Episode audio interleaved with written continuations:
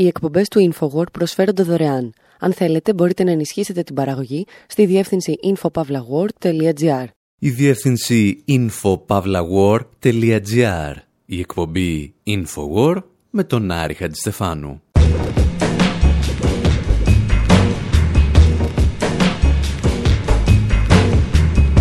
Όπου σήμερα παρακολουθούμε όλες τις καλλιτεχνικές απεικονίσεις που έχουν γίνει για τον Τρότσκι, καθώς τον Αύγουστο του 2020 συμπληρώθηκαν 80 χρόνια από την φρικτή όσο και κινηματογραφική δολοφονία του. Υποπτευόμαστε ότι η πρόσκαιρη σχέση του με την Φρίντα Κάλο ενέπνευσε περισσότερους μουσικούς σε σχέση με τις πολιτικές του θέσεις. Αναρωτιόμαστε εάν η αξίνα πάγου με την οποία δολοφονήθηκε είναι ένα από τα διασημότερα όπλα που χρησιμοποιήθηκαν στις δολοφονίες σε όλη την ιστορία. Και ύστερα αφήνουμε τον Τρότσκι να συνομιλεί με τον Κάρολο Μάρξ σε όρους Matrix και να τον καλεί να αποφασίσει εάν θα πάρει το μπλε ή το κόκκινο χάπι.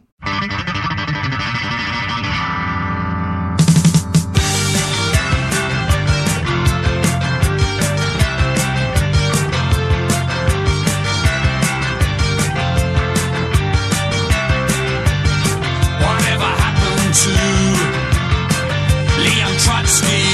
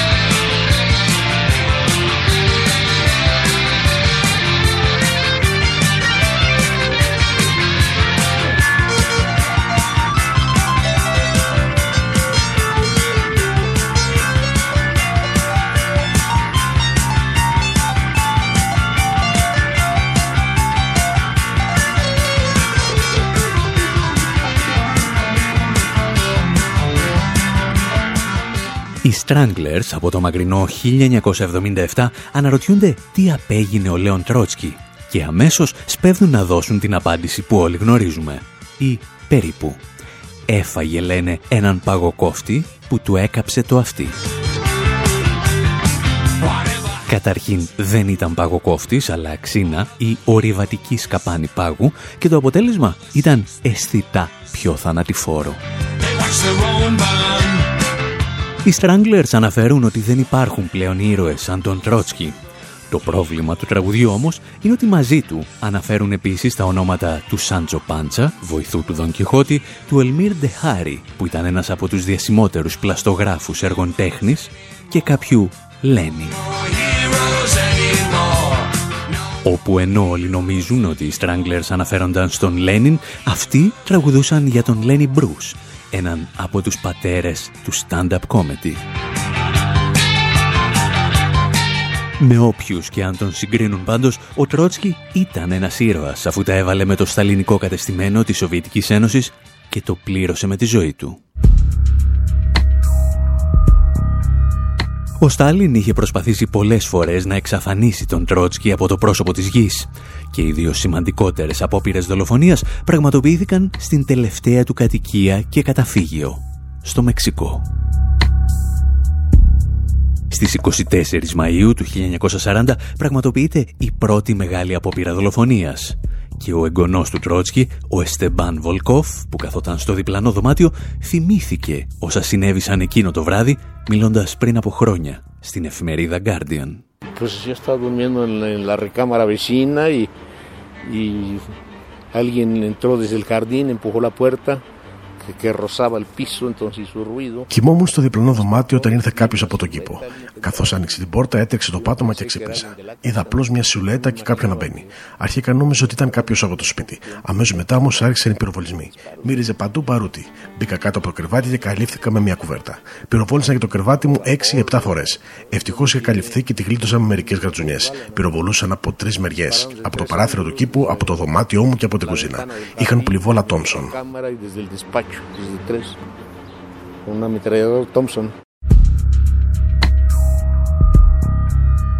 Ο Τρότσκι γνώριζε πολύ καλά ότι ο Στάλιν δεν θα τα παρατούσε.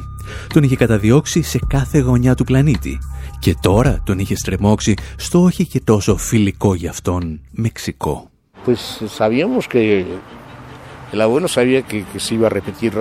Ο παππούς μου, όπως και όλοι, ξέραμε ότι θα συνέβαινε και πάλι. Το μόνο ερώτημα ήταν από πού θα έρχονταν. Κάθε μέρα λέγαμε στη γυναίκα του την Νατάλια ότι μας χάρισαν άλλη μια μέρα ζωής.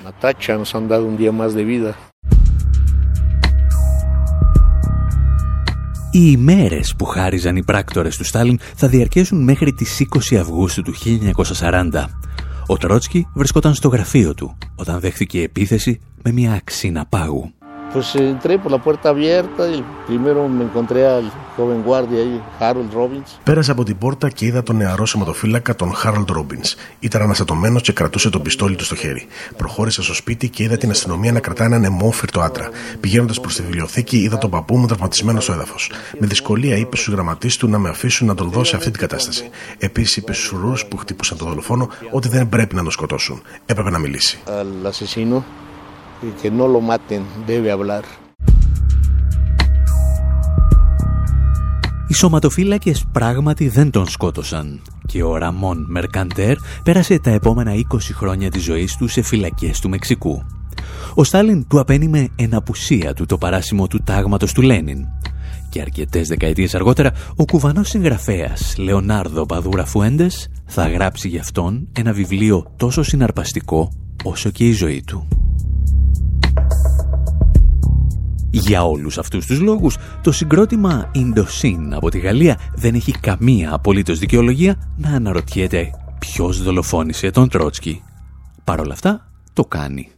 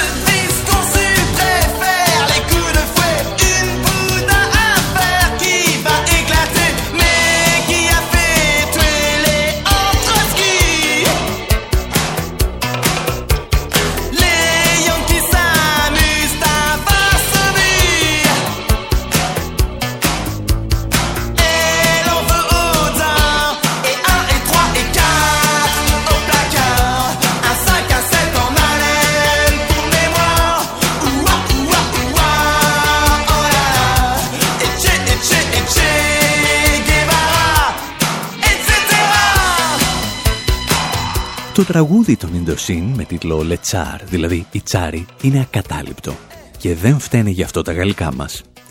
Μέσα σε μερικά λεπτά το συγκρότημα αναφέρεται στους μεγαλύτερους δικτάτορες που προηγήθηκαν και ακολούθησαν το Δεύτερο Παγκόσμιο Πόλεμο, αλλά και στα θύματά τους, όπως τον Τρότσκι. Το πρόβλημα, όπως θα δούμε και στη συνέχεια με τις καλλιτεχνικές αναφορές των Λέων Τρότσκι, είναι ότι συνήθως εστιάζουν σε δύο διόλου κολακιστικές στιγμές της ζωής του. Το παράνομο ειδήλιό του με την Φρίντα Κάλο και την δολοφονία του. Ακόμη όμως και όσοι ασχολούνται με σοβαρότερα ζητήματα συχνά παρουσιάζουν τον Τρότσκι σαν περαστικό στις ιστορίες τους. Και μία από αυτές τις ιστορίες τον τοποθετεί στον κόσμο του Μάτριξ. Το 2011 ο Βρετανός πανεπιστημιακός Jason Barker παρουσιάζει το ντοκιμαντέρ Marx Reloaded και εκεί πραγματοποιεί μια πολύ ενδιαφέρουσα ανάλυση για την επικαιρότητα της σκέψης του Μάρξ στη σύγχρονη οικονομία. Στην αφίσα του ντοκιμαντέρ πάντως δεν βλέπουμε τον Μάρξ αλλά τον Τρότσκι, ο οποίος κρατά το μπλε και το κόκκινο χάπι από την ταινία Matrix. Και εάν δεν θυμάστε τι ακριβώς παίζει με τα δύο χάπια, να σας θυμίσουμε την επίμαχη σκηνή, όπου ο Μορφέους εξηγεί στον Νίο τους όρους του παιχνιδιού.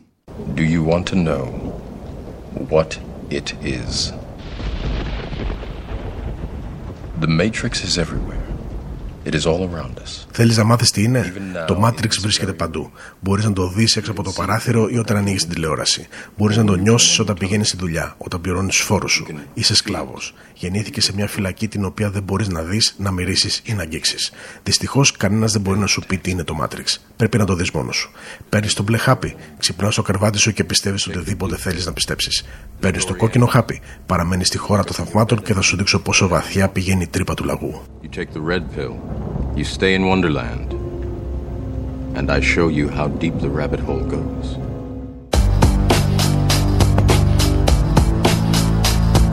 Λέγοντας φυσικά τρύπα του λαγού, να σημειωθεί ότι αναφερόμαστε στο λαγούμι του λαγού από την Αλίκη στη χώρα των θαυμάτων. Ο Τζέισον Μπάρκερ λοιπόν θα πάρει την περίφημη σκηνή του Μάτρεξ και στη θέση του Μορφέα θα τοποθετήσει τον Τρότσκι, ενώ τον Νίο υποδίεται ο Κάρολος Μάρξ. Και αυτή τη φορά το Μάτρεξ είναι ο πλασματικός κόσμος της ιδεολογίας. Do you want to know the truth, You're slave to a liberal ideology that goes deeper than you can possibly imagine. Θέλεις να μάθεις την αλήθεια, σύντροφε; Είσαι σκλάβος μιας φιλελεύθερης ιδεολογίας η οποία έχει πολύ μεγαλύτερο βάθος από ό,τι μπορείς να φανταστείς. Η ιδεολογία βρίσκεται παντού. Όταν διαβάζεις Σέξπιρ, όταν πληρώνεις τα μαθήματα υποκριτικής της κόρης σου, όταν αγοράζεις κρέμα για τις αιμορροίδες σου. Κανένας δεν μπορεί να σου εξηγήσει τι είναι η ιδεολογία. Πρέπει να τη δεις, όχι να την πιστέψεις. Παίρνεις τον μπλε χάπι, ξυπνάς στην κολονία σαν αρχισυντάκτης μιας τοπικής εφημερίδας και εντάσσεσαι σε μια μασονική στοά. Παίρνεις το κόκκινο χάπι, θα σου δείξω πόσο μακριά πηγαίνει η διαρκής επανάσταση. And I will show you how far the permanent revolution goes. Το ντοκιμαντέρ Matrix Reloaded είναι βέβαια πολύ πιο σοβαρό και ενδιαφέρον από αυτή την παροδία του Matrix. Σύμφωνα μάλιστα με ορισμένους και το ίδιο το Matrix ενδέχεται να γίνει πιο ενδιαφέρον αν μέσα από αυτό προσπαθήσεις να δεις τις θεωρίες του Μποντεριάρ για την έρημο του πραγματικού. Εμείς όμως μιλάμε σήμερα για τον Τρότσκι που έπαιξε μόνο ένα μικρό ρολάκι στο συγκεκριμένο ντοκιμαντέρ. Δυστυχώς, όπως είπαμε, ο χώρος του θεάματος τον θυμόταν πολύ συχνότερα για τη δολοφονία του παρά για τη ζωή του και όταν δεν το έκαναν τον θυμόντουσαν για τη σύντομη παράνομη σχέση του με την Φρίντα Κάλο. Την φτωχή Φρίντα για την οποία τραγουδούσαν κάποτε η Tijuana No. Pobre Frida.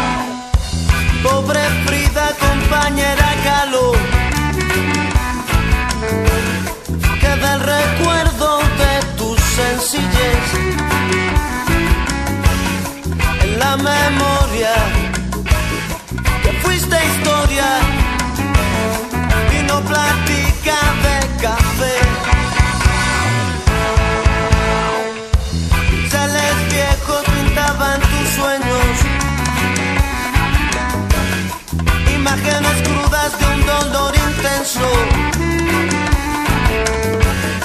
Autografías marcadas por el tiempo.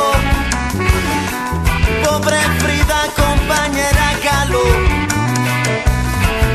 Oh, oh.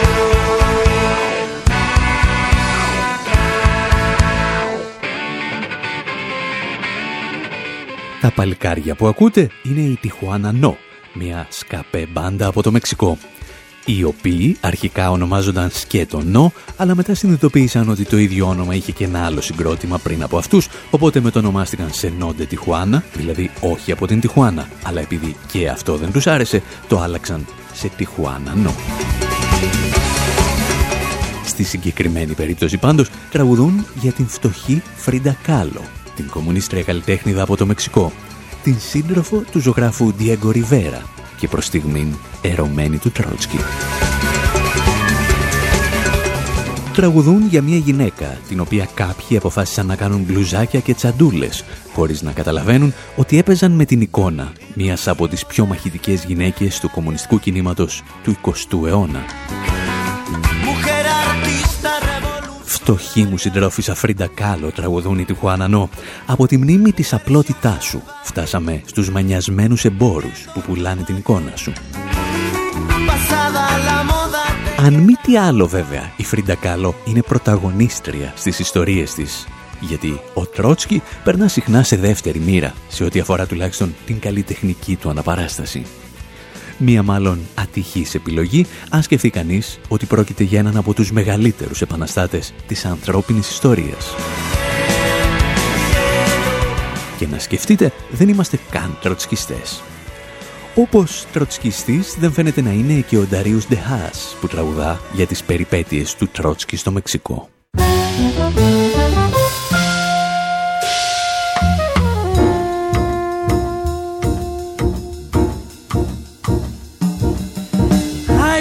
Leon Trotsky. Little round glasses, freeing the masses down with the czar. Open the bar, come alive and rise up and rebel. They'll send me away in exile. Puerto Panasco, long way from Moscow, pipe in my hand, toes in the sand sipping rum from a coconut shell. Freedom from tyranny, freedom from kings, freedom from all of those bourgeoisie things. Poets and peddlers stand up and strike, cause I'm Leon Trotsky and that's what I'd like.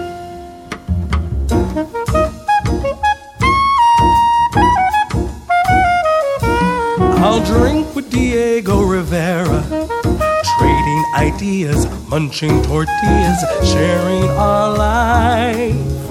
Also, his wife. Here's to politics, women, and food. We'll end up alone together. Just me and Frida, mucha bonita, very hush hush. She and her brush, in the dark and the nude. Frida the beautiful, Frida the smart. Frida makes love to me like she makes art. She has Rivera, but she isn't his. Cause she's Frida Kahlo and no one else is. One night a stooge for Stalin stabs me and leaves me for dead. While Diego and Frida Kahlo lay silently sleeping in bed.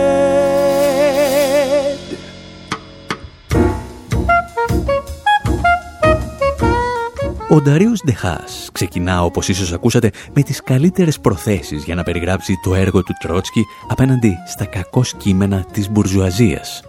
Πριν περάσει όμως ένα λεπτό, έχει φτάσει στην Φρίντα Κάλο και το πώς απάτησε τον Diego Ριβέρα. Γι' αυτό και εμείς ψάξαμε και βρήκαμε ένα πραγματικά τροτσκιστικό συγκρότημα το οποίο αποφάσισε να ασχοληθεί σοβαρά με το έργο του Μεγάλου Επαναστάτη. Και λέμε να τους ακούσουμε στο δεύτερο μέρος της εκπομπής. Μέχρι τότε βέβαια, εσείς μπορείτε να ακούτε τον Σέρτς Γκένσμπουργκ να μας θυμίζει ότι τρία από τα επτά στελέχη του πρώτου πολίτμπουρό της Σοβιετικής Ένωσης ήταν Εβραίοι. Ο Ζινόβιεφ, ο Καμένεφ και ο Τρότσκι. Και όλα αυτά σε ρυθμούς «Μόνο μη μείνουμε άλλο σπίτι».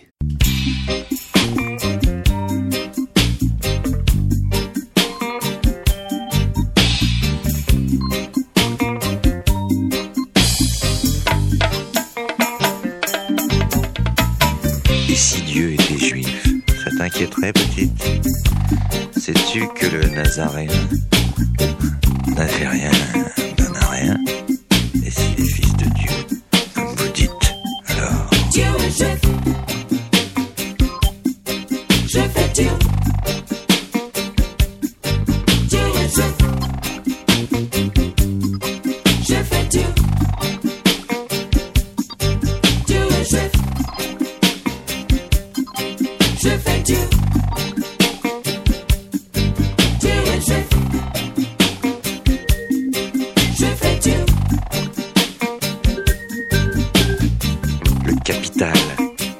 L'Israélite Karl Marx, un beau bouquin.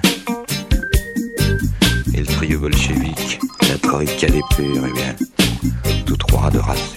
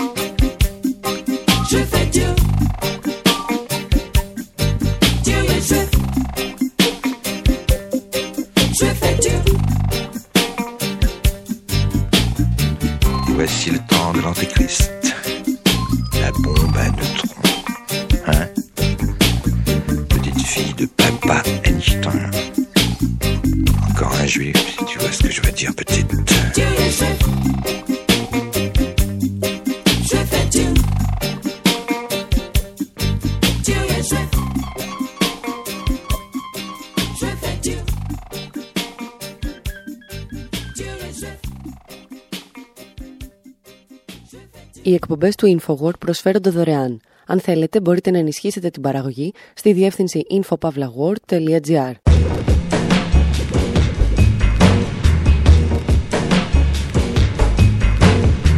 Εκπομπή Infowar, μέρος δεύτερο.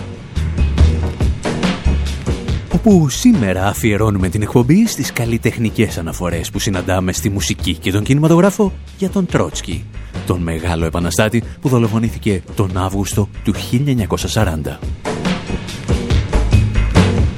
Αφήσαμε πίσω μας τους Stranglers και τον Serge Gainsbourg και ετοιμαζόμαστε να γνωρίσουμε ένα συγκρότημα που αφιέρωσε ένα ολόκληρο άλμπουμ στη ζωή και το έργο του Τρότσκι. Μουσικά δεν μας λένε και πολλά. Σημασία όμως έχουν οι στίχοι.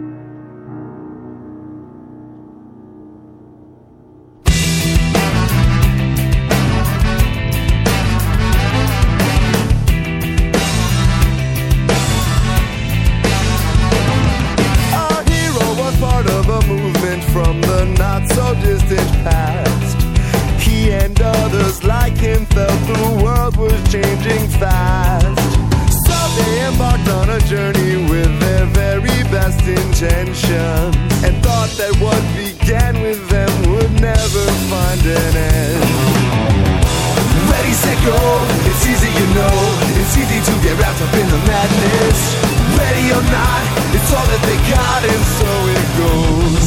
Suspend your disbelief in revolution.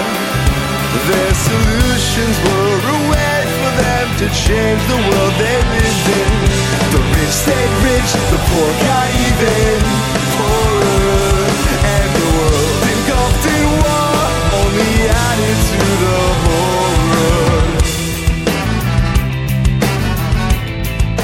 Τα παιδιά που ακούτε είναι οι Cats 22, σε απλουστευτική μετάφραση αδιέξοδο παράδοξο.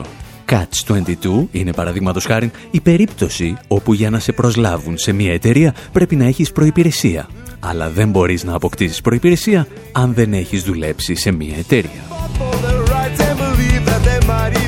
Στην περίπτωσή μας βέβαια, Catch 22 είναι απλώς ένα συγκρότημα από την κομμόπολη του Ανατολικού Brunswick, στο New Jersey.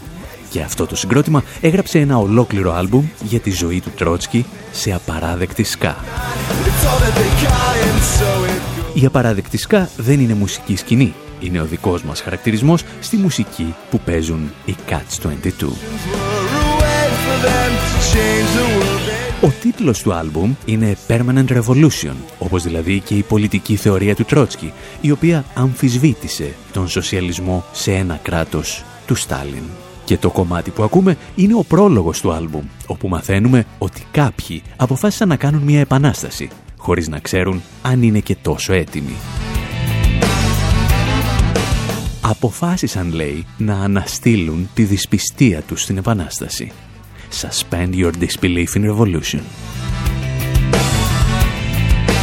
Γεγονός που μας φέρνει αμέσως στο επόμενο κομμάτι του άλμπουμ με τίτλο The Spark, δηλαδή Ίσκρα.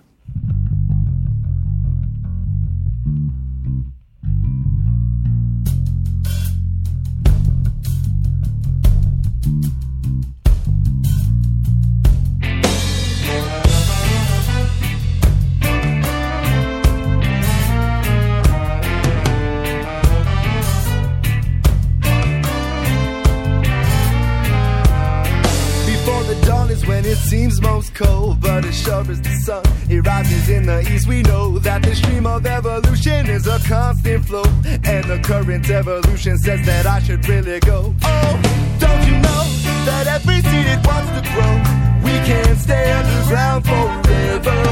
They can cut us off as soon as we begin to show. What they don't know is that the roots still grow. When the roots pop up, when the roots pop up, when the roots pop up, when the roots pop up,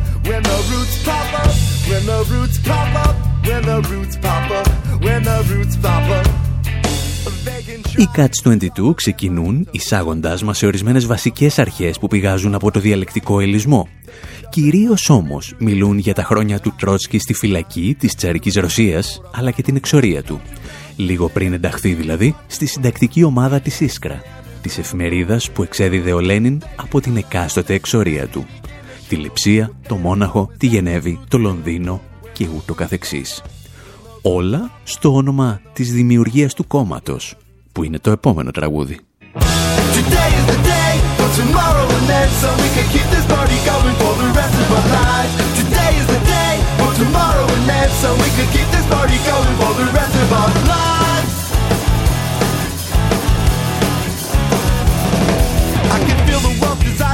heart is set afire. Let it burn as it beats, and we'll never be defeated. If we say that it will happen, and we know that it will happen, it'll happen just the same, and we'll be here to lead it.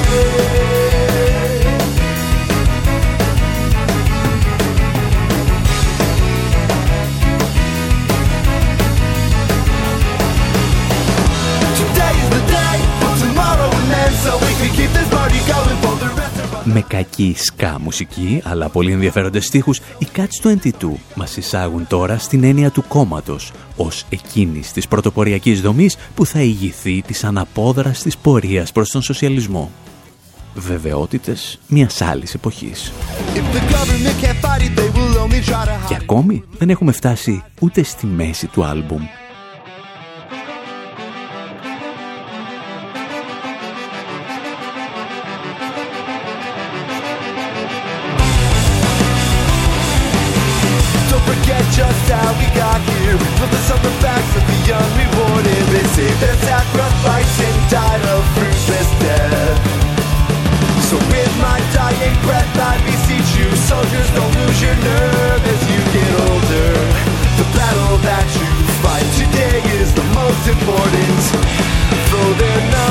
Seemed so strong that winter afternoon.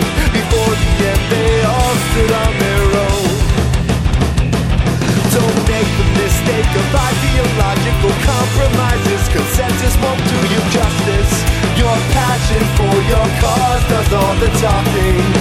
Men without conscience will deceive your minds But not your hearts unless you let them. The struggle will go on as long as you keep fighting. Just don't forget how we got here. Ενώ η μουσική χειροτερεύει τραγούδι με το τραγούδι, η ιστορία μας γίνεται όλο και πιο ενδιαφέρουσα. Έχουμε φτάσει πλέον στο 1921 και ο Τρότσκι βρίσκεται επικεφαλής του κόκκινου στρατού. Εξηγεί στους Σοβιετικούς στρατιώτες ότι ο διμέτωπος αγώνας που δίνουν εναντίον εσωτερικών και εξωτερικών εχθρών θα κρίνει τα πάντα. Και πολλοί από αυτούς που σκέφτονταν να λιποτακτήσουν επιστρέφουν για να τον ακολουθήσουν. The Ανάμεσα στα επιχειρήματά του θυμάται και το 1825 και την περίφημη εξέγερση των Δεκεμβριστών. Το μήνυμά του φαίνεται να είναι ότι οι Δεκεμβριστές δεν έμειναν πιστοί στις αρχές τους και γι' αυτό ιτήθηκαν.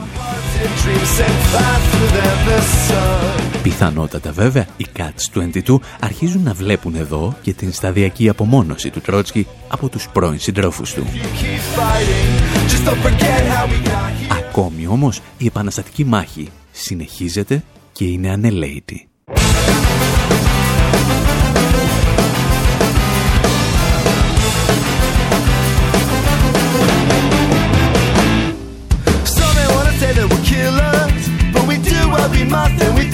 Are just cutting off the head of the imperial serpent, taking back the land for the hands that have worked it. Critics cry a bloody days, but people still die anyway.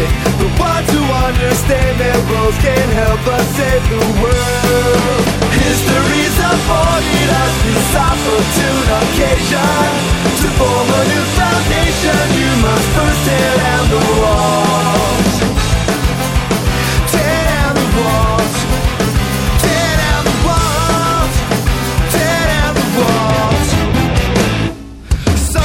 Στο επόμενο κομμάτι τους με τίτλο A Minor Point, οι Cats 22 εμφανίζουν τον Τρότσκι να εξηγεί την αναγκαστική σκληρότητα της Ρωσικής Επανάστασης. fight it. Critics cry of blood. Η τσαρική οικογένεια έπρεπε να εκτελεστεί, ώστε η γη και ο πλούτος της να επιστρέψουν στους φυσικούς κατόχους τους, στο λαό. History's afforded us this Μια κίνηση την οποία παρεπιπτόντος οι Rolling Stones δεν συγχώρησαν ποτέ στους επαναστάτες Ρώσους όταν τραγουδούσαν το Sympathy for the Devil.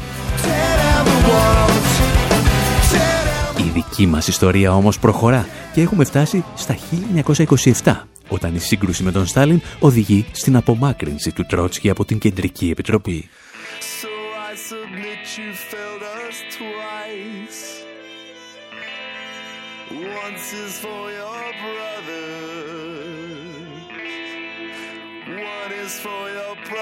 And the second's for your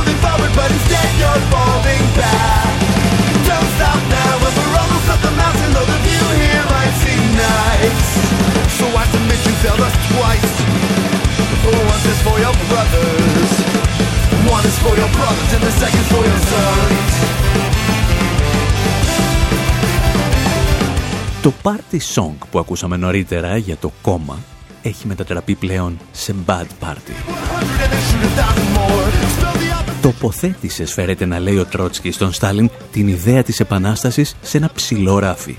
Και τώρα δεν μπορεί να την φτάσει κανένας. Μια σαφής αναφορά στη σύγκρουση ανάμεσα στις θέσεις για τη διαρκή επανάσταση απέναντι στη θεωρία του σοσιαλισμού σε ένα κράτος. Παρεπιπτόντος, κάπου εδώ, οι Cats 22 δείχνουν ότι έχουν διαβάσει με προσοχή τον Τρότσκι. Έδιωξε στους αντιπάλους σου με ένα κεντρό θερμιδόρ, φέρεται να λέει ο Τρότσκι στον Στάλιν. Μια σαφής αναφορά στο λεγόμενο πραξικόπημα της ενάτης θερμιδόρ, που οδήγησε στην εκτέλεση του Ροβεσπιέρου στη Γαλλική Επανάσταση, όπου ενάτη θερμιδόρ στο ημερολόγιο της Γαλλικής Επανάστασης ήταν η 26η Ιουλίου του 1794. expatriate 100 and they shoot a thousand more. Spell the opposite. Ο Τρότσκι είχε συγκρίνει πράγματι την απομάκρυνσή του από την Κεντρική Επιτροπή με το πραξικόπημα του Θερμιδόρ. Και κάπως έτσι ξεκινά η περίοδος της εξορίας. Goodbye,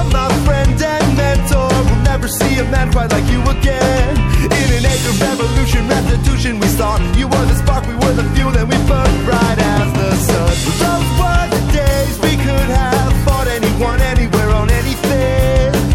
And after all these years, how could we try? Should we try to follow someone else? I can see the shadows on the foothills east of here. Stormy clouds and thunder in my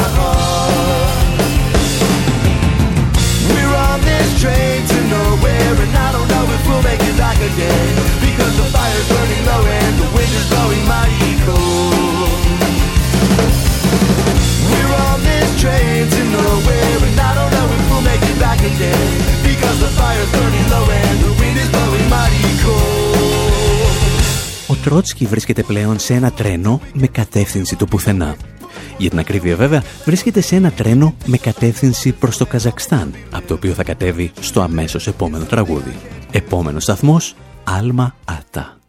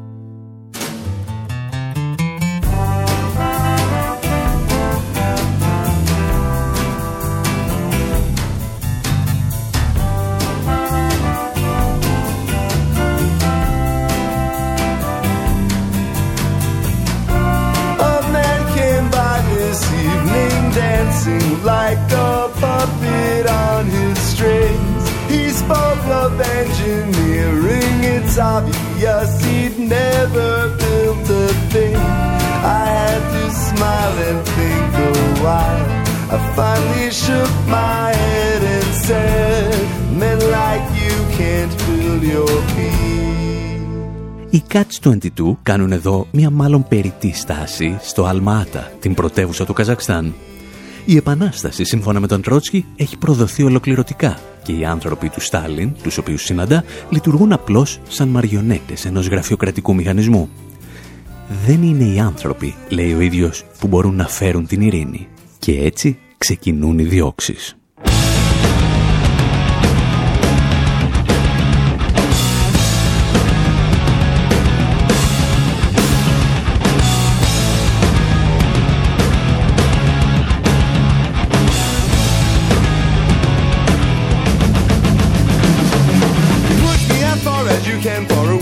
Yourselves. But keep these words of mine in mind when it's your time. I'm not the first and I won't be the last, I assure you. It won't be long before they're knocking at your door.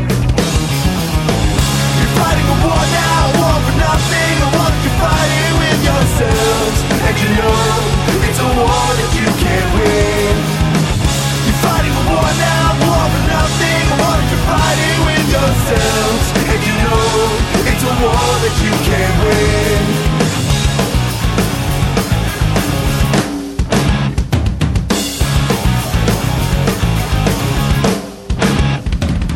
You have been feeding the monsters without even knowing that our futures were the price that we would pay. Now they are breeding the next generation of killers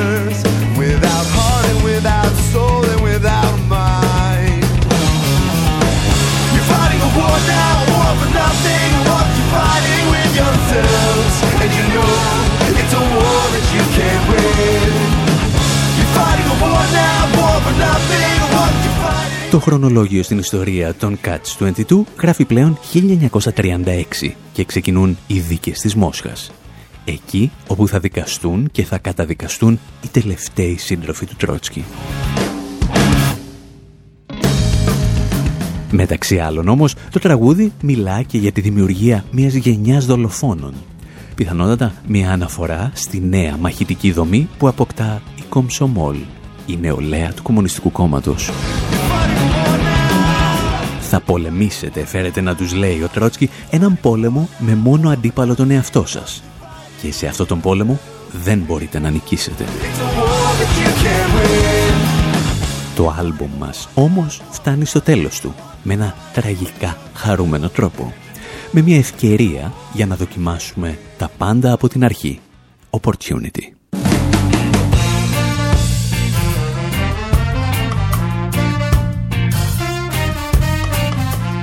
Ο Τρότσκι βρίσκεται πλέον στο Μεξικό, έχοντας κυνηγηθεί σε ολόκληρη την Ευρώπη. Παραμένει απλώς στον δολοφόνο του. Κοιτάζοντας όμως πίσω, γνωρίζει ότι αν μπορούσε, θα τα έκανε όλα πάλι από την αρχή. telling us and telling us to do it all again. As far as I can see, everything that we had believed is more true now than ever before. And if the truth be known, we do it all again. We got low, if we Mexico. Seem so far after having been so close. We got low If we Mexico. We lost everything except the things that matter most.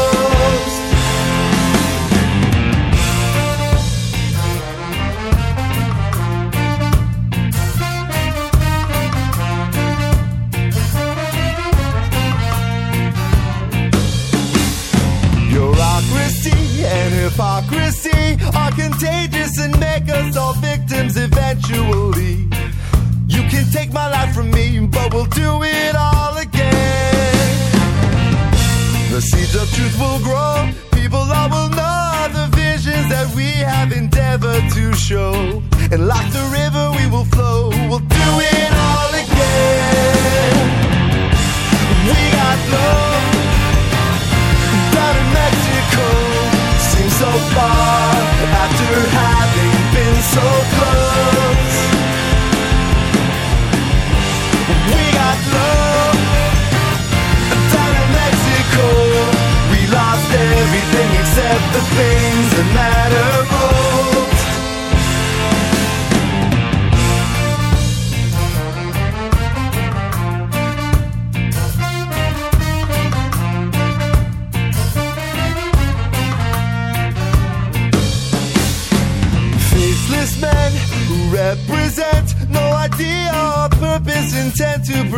Κάπου εδώ όμως λέμε και εμείς να σας αφήσουμε για αυτή την εβδομάδα. Οκτώ δεκαετίες από τη δολοφονία του Λεβ Νταβίτοβιτς Μπρονστάιν, γνωστούς στους περισσότερους ως Λέον Τρότσκι. They spent in the struggle, and I love. Να θυμάστε βέβαια ότι όλες μας οι εκπομπές βρίσκονται στη διεύθυνση info.pavlawar.gr μαζί με όλα τα κείμενα και τα ντοκιμαντέρ που δείχνουν πώς αντιλαμβανόμαστε εμείς τον κόσμο γύρω μας. Been so close. Μέχρι την επόμενη εβδομάδα, από τον Άρη Χατζηστεφάνου στο μικρόφωνο και τον Δημήτρη Σαθόπουλο στην τεχνική επιμέλεια, γεια σας και χαρά σας.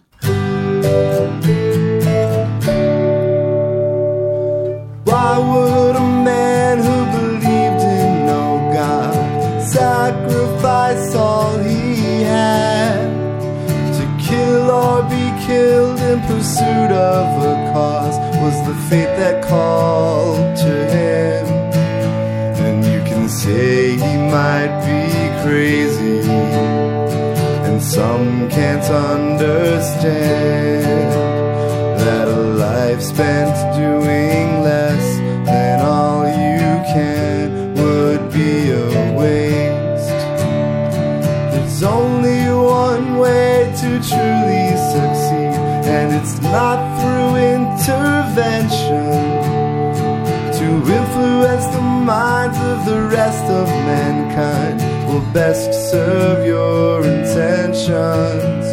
You can say he might be crazy, and some can't understand that a life spent doing less